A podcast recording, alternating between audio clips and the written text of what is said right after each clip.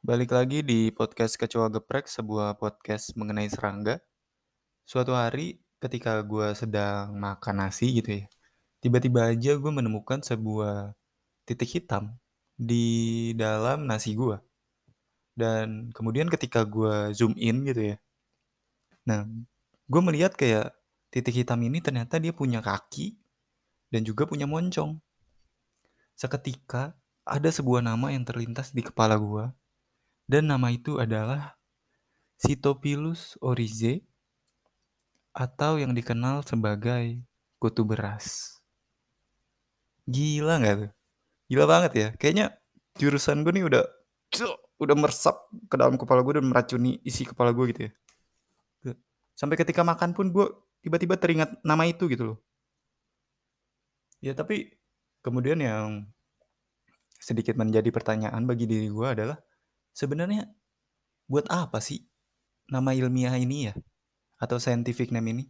Terlebih untuk orang-orang biasa gitu loh.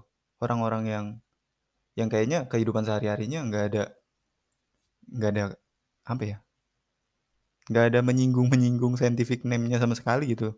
Kayaknya mungkin bagi mereka lebih penting nama-nama artis nama-nama akun Instagram, akun TikTok, akun Twitter kayak gitu kali ya dibandingkan nama-nama ilmiah atau scientific name ini beda sama orang-orang yang membutuhkan ya. Kalau bagi orang-orang yang membutuhkan jelas nama-nama scientific name seperti ini ya penting. Contohnya itu kayak buat peneliti mungkin ya. Orang-orang yang meneliti keanekaragaman atau orang-orang yang belajar biologi. Ya nama-nama scientific name kayak gini ya penting buat ngelihat sejauh mana kekerabatan antar makhluk hidup. Terus untuk melihat evolusi dan lain-lain lah. Pokoknya dari dari nama scientific ini lu bisa melihat cukup banyak hal. Dan bahkan nih untuk jurusan-jurusan ter tertentu ya kayak misalnya hama dan penyakit tanaman scientific name ini bahkan bisa berfungsi untuk menentukan langkah apa yang akan lu pakai untuk mengendalikan hama dan penyakit tanaman. Gokil ya gila ya kayak kita kenalan dulu nih sama hama dan penyakitnya udah cukup deket udah kenal kita matiin emang jahat emang nih jurusan apa sih Gak, gak. Canda-canda ya. Tapi ya itu. Ya kemudian, berarti buat apa ya? Untuk umat-umat awam, untuk orang-orang awam nih kayak scientific name ini buat apa ya? Oh, mungkin buat ini kali ya.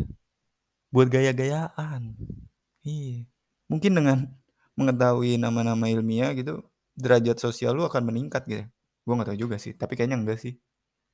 Emangnya lu pernah gitu ngeliat kayak di acara keluarga nih, tiba-tiba ada saudara lu yang membawa anaknya, kemudian di pertengahan acara tiba-tiba aja saudara lu ini bilang, duh, anak saya nih pinter banget loh. Masa dia hafal nama-nama ilmiah serangga? Hmm, kayaknya nggak ada ya. Kayaknya nggak ada deh keluarga yang kayak gitu. Atau kemudian terus ada saudara lu lainnya yang nyeletuk gitu atau menanggapi kayak Oh, pinter ya anaknya.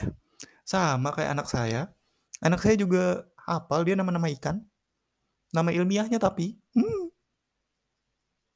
Kayaknya aneh banget ya. Iya. Kayaknya nggak ada deh yang kayak gitu. Iyalah pokoknya aneh sih. Berarti buat apa dong ya? Nggak tahu deh.